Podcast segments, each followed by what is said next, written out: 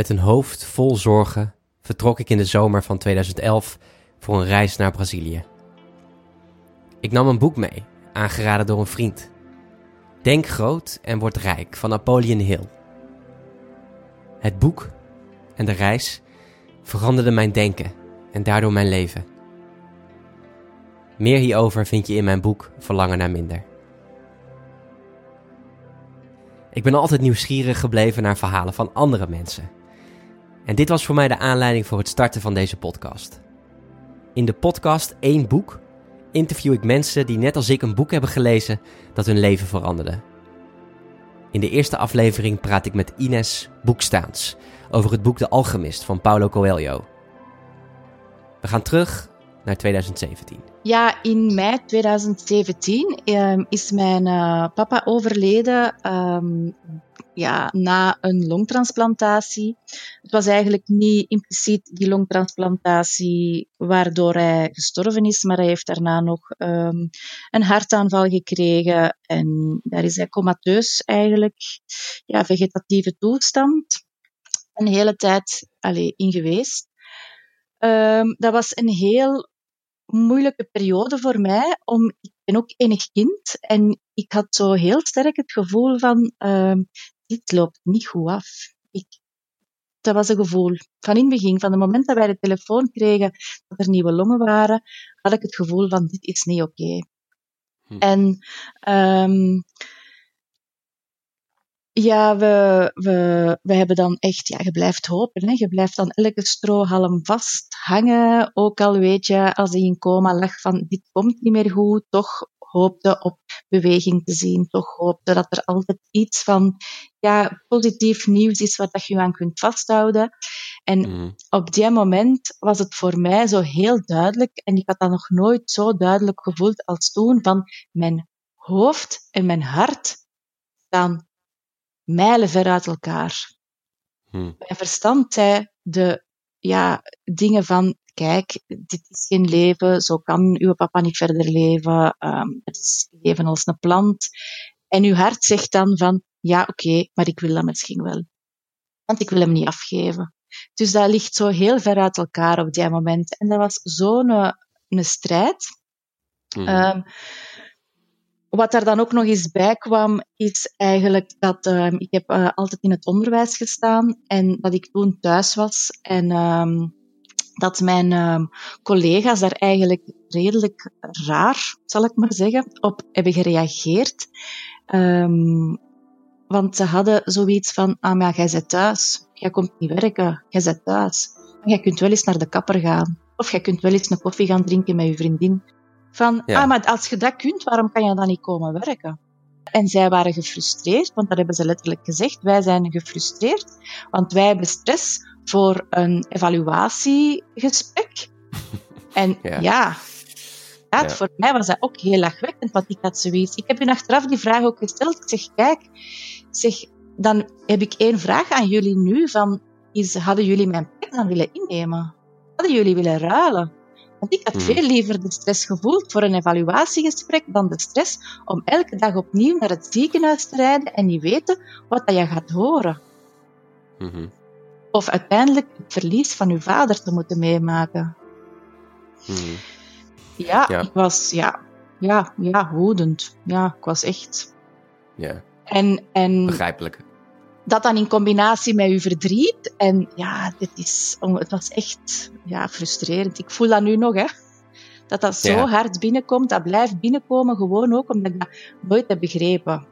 Ja. Um, daarna zijn mijn man en ik um, in juni vijf dagen met ons twee naar Mallorca gegaan, omdat ik er echt even uit moest. Ik moest even weg hier uit ons land, uit mijn omgeving, gewoon even met z'n twee rust opzoeken, uh, aan een mhm. zwembad gaan liggen, niets moeten doen, um, eten wanneer je zin hebt, iets drinken wanneer je zin hebt. En ik had ook een hele stapel boeken mee, omdat dat mij toch altijd ergens ja, rust bracht, lezen.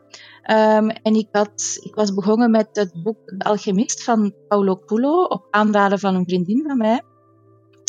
En um, ja, ik lag aan het zwembad en ik was begonnen in het boek en ik werd daar echt helemaal in meegezogen, in dat verhaal, in die puurheid van dat verhaal ook gewoon. Eigenlijk de simpelheid die toch op zich dan niet zo simpel is.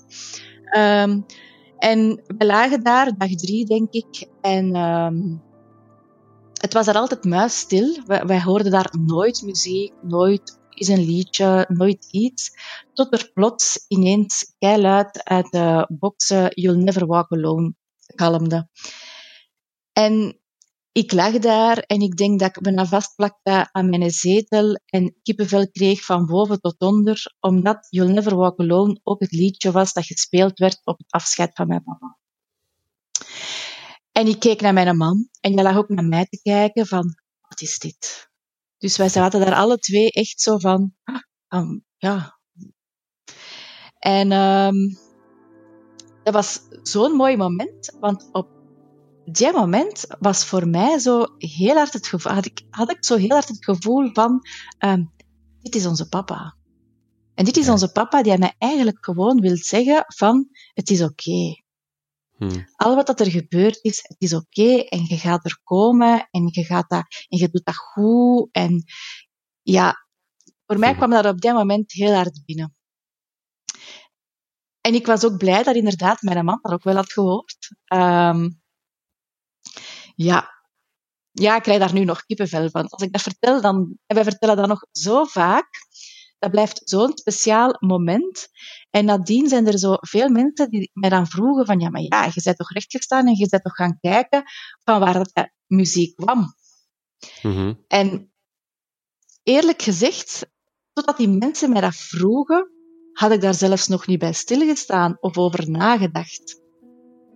Want nee, en dat is eigenlijk zo raar. Maar terwijl ik dat boek aan het lezen was, dat boek gaat dan vooral over hè, hoe dat er um, heel vaak um, tekenen, allee, dat, dat ja, het universum, de, de, de, wereld, u dingen wil laten zien of laten merken door tekens te geven, en die dat we eigenlijk vaak niet zien, of er gewoon niks mee doen. En voor mij was dat op dat moment geen toeval, dat, terwijl ik dat allemaal aan het lezen was, en dat, dat verhaal zijpelde zich echt in, in, in, in heel mijn lijf. En ik kwam dan die muziek, die muziek kwam eruit. En dat was voor mij van, oké, okay, dit is het en je moet er gewoon voor openstaan. Voelen of het gevoel krijgen van, um, je bent de goede richting aan het uitgaan. Ja. Al wat dat je nu gaat ondernemen, dat gaat toch zo echt iets zijn voor jezelf. Want dat was wel een gevoel dat ik al heel lang had. Als mijn papa stierf, was ik 36 jaar. En um, voelde al heel lang onrust in mij. Maar ik kon daar nooit de vinger op leggen. Een soort van onrust en het gevoel van er is van alles anders in het leven, maar ik weet eigenlijk niet hoe wat. En ik weet ook niet hoe dat ik daar naartoe moet, of wat ik wil, of wat ik niet wil. Ik wist mhm. eigenlijk lange tijd niet, wie ben ik nu eigenlijk? Want de maatschappij verwacht dat je elke dag van ochtends tot avonds gaat werken. En als je dan in het onderwijs stond zoals ik, dan was het van, ah, maar zo'n mooie job en zoveel vakantie en een mooie loon. En waar zit jij nu over te zagen en te klagen? En, en ik had zoiets, ja, oké, okay, maar dat strookt niet met wat ik voel. Nee, precies. Ja. ja. En ik denk dat daarin uh... heel lang mijn verstand en mijn hart heel ver uit elkaar hebben gestaan. Ja. En vanaf dat moment, eigenlijk vanaf dat You Never Walk Alone moment, uh, is er iets veranderd in jou? Uh, door, door het boek ook. Kun je, kun je beschrijven wat dat is? Um, uh, ja, het, het, het heeft mij zo veranderd. Ik weet dat ik nadien echt zo'n heel duidelijk beeld had van: oké, okay, um, je moet gewoon je hart volgen en doen wat dat u blij maakt. En al hetgeen wat dat iedereen daarover denkt of zegt, of de goede raad dat iedereen heeft, ja, maar kies toch maar voor zekerheid en kies toch maar voor een vast loon op het einde van de maand, om dat overboord te gooien. En ik weet dat ik daarna tegen mijn mama zei van, kijk mama, ik ga mij nu in een zwart gat laten vallen, maar ik voel gewoon in alles dat ik overal opvang mee te gaan hebben. Die me gaan opvangen. Hm. En dat gevoel was zo sterk hm. dat ik daar echt gewoon ook naar geleefd heb. En eens dat je dat gevoel kunt vastpakken van oké, nu is het tijd voor mijn leven. Nu is het tijd voor um, dingen te gaan uitzoeken die mij blij maken. Um, ja. Ik had zo ook het gevoel van dat de, de dood van mijn vader niet voor niks geweest zijn. Ik wil daar echt wel iets mee doen. En ik zeg dat nu vaak ook, van hij heeft mij, en dat is heel dubbel, hè, maar door te sterven heeft hij mij het mooiste geschenk gegeven. Hmm. En dat is mezelf vinden. En dat is heel dubbel, hè. Ik heb me daar heel lang ook zo schuldig over gevoeld. Maar um, ja, dat boek op een gegeven moment in de Alchemist zegt ook: You'll never be able to escape from your heart, so it's better to listen to what it has to say. En dat is ook zo. En zo leef ik nu. Ik voel heel veel en ik voel eigenlijk al vrij snel dingen aan waar dat ik eigenlijk ook naartoe leef. En dat moment van het zwembad, dat is daarna nog zo enkele keren teruggekomen. Zo.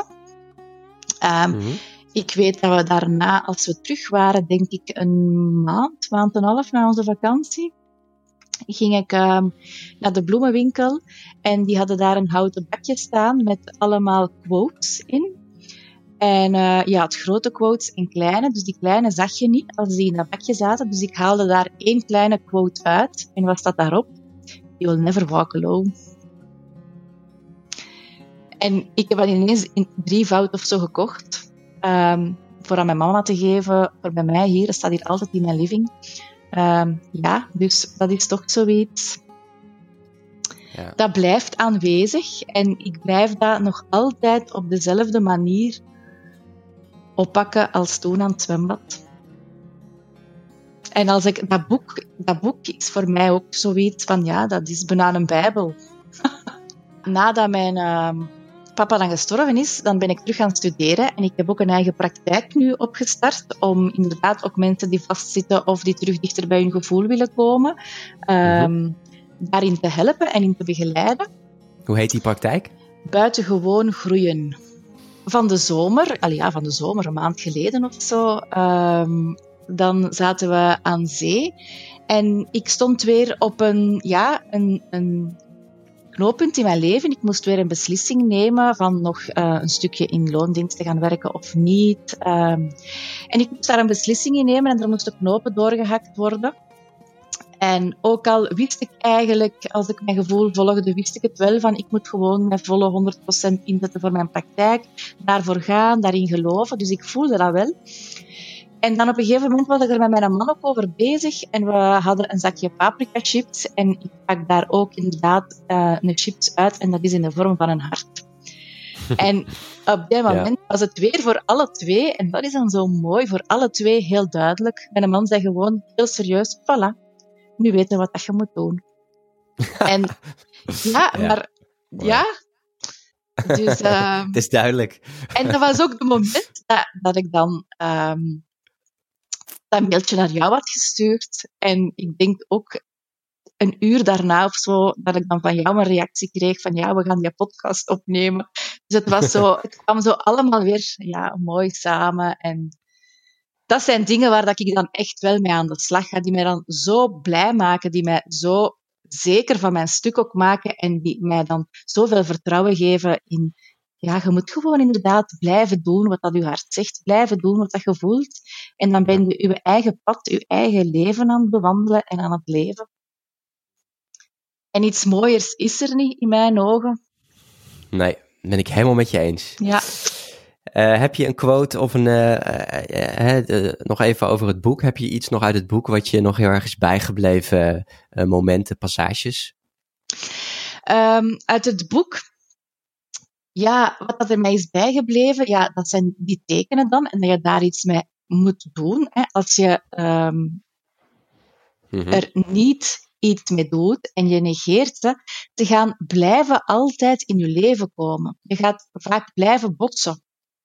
Maar je gaat ja. dat altijd zo voelen als, ah, het lukt weer niet. Maar eigenlijk is dat inderdaad, ja, wat het dan ook is, hè, het universum of weet ik wat, die wil duidelijk maken, je zit niet op het goede pad. Je zit niet op nee. uw goede pad. Niemand kan vluchten voor zijn eigen hart. Ja. Daarom is het beter te luisteren naar wat het zegt, zodat je nooit verrast wordt. In het boek hè, eh, gaat het over ook een schapenherder en die eigenlijk heel zijn leven gewoon is om voor schapen te zorgen.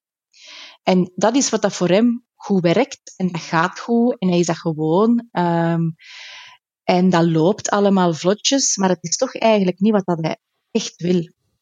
En hij gaat dan op zoek, zonder te veel te verklappen, maar hij gaat dan op zoek. Um, hij krijgt ook tekenen van hij, hoger en hij gaat op zoek. En dat lukt niet allemaal direct van de eerste keer. Hij, heeft, hij is ook bestolen geweest, twee keer bestolen geweest, en hij geeft mhm. niet op. En ik denk dat dat een hele mooie boodschap is van kijk, ook al lukt iets niet van de eerste keer, als dat toch iets is wat dat voor u is weggelegd of wat dat jij echt wil, dan moet je daar gewoon voor blijven gaan. En manieren zoeken die bij u passen om daarvoor mhm. te blijven gaan. En niet opgeven. En niet altijd kiezen voor de easy way. Maar soms is je stoute schoenen durven aantrekken en um, ja, is even het avontuur op u laten afkomen. Wat zou jij kwijt willen aan iedereen? Eh, wat zou je eh, tegen de luisteraar willen zeggen? Um, wat ik wil zeggen, ja, ik denk dat dat heel evident is, dat inderdaad het onmogelijke ook wel mogelijk is. En dat het zo belangrijk is om um, ja, eerst jezelf te vinden, weten wie je bent, wie jij bent, zonder Um, en dat klinkt nu heel egoïstisch, maar zonder rekening te houden met iedereen rond u. Want iedereen rond u heeft altijd goede intenties met jou, maar die projecteren zichzelf vaak. Waardoor dat we onszelf heel vaak kwijt zijn. En ik denk dat dat al een hele belangrijke is, van uzelf terugvinden. Wat is voor mij belangrijk? Wat wil ik? Wat is eigenlijk een beetje mijn missie? Hoe sta ik authentiek in het leven? Dat vind ik ook een hele belangrijke. Authenticiteit. Hoe kan jij als persoon uw authenticiteit naar buiten laten komen? En ik hmm. denk, als we daar dan mee kunnen beginnen, met dat te weten, dat je al zoveel blijer gaat zijn met wie dat je bent. En dat je duidelijk weet van, oké, zo wil ik mijn leven leiden. En wat is voor mij belangrijk en wat is minder belangrijk? En misschien zijn die minder belangrijke stukken wel belangrijk voor uw familie of voor, voor, voor uw vrienden, maar voor u niet. Hm. En ik denk dat het daar een beetje de combinatie is om dichter bij, u, bij uzelf en bij uw hart en bij uw buikgevoel te geraken. Iedereen lijkt een duidelijk idee te hebben van hoe andere mensen hun leven zouden moeten leiden. Maar we hebben geen enkel idee over ons eigen leven, schrijft Paulo Coelho in zijn boek. Alleen bij jezelf ligt dus het antwoord. En zo begon Ines op haar eigen kracht een eigen praktijk. Als je benieuwd bent, kijk dan eens op buitengewoongroeien.be. Ines, bedankt voor je ontroerende verhaal. En heb jij nou ook zo'n verhaal zoals Ines met een boek dat je leven veranderde? En lijkt het je leuk om dit in een podcast te vertellen? Ga dan naar growthinkers.nl slash een boek en vul de survey in. Bedankt voor het luisteren en tot de volgende aflevering van 1 Boek.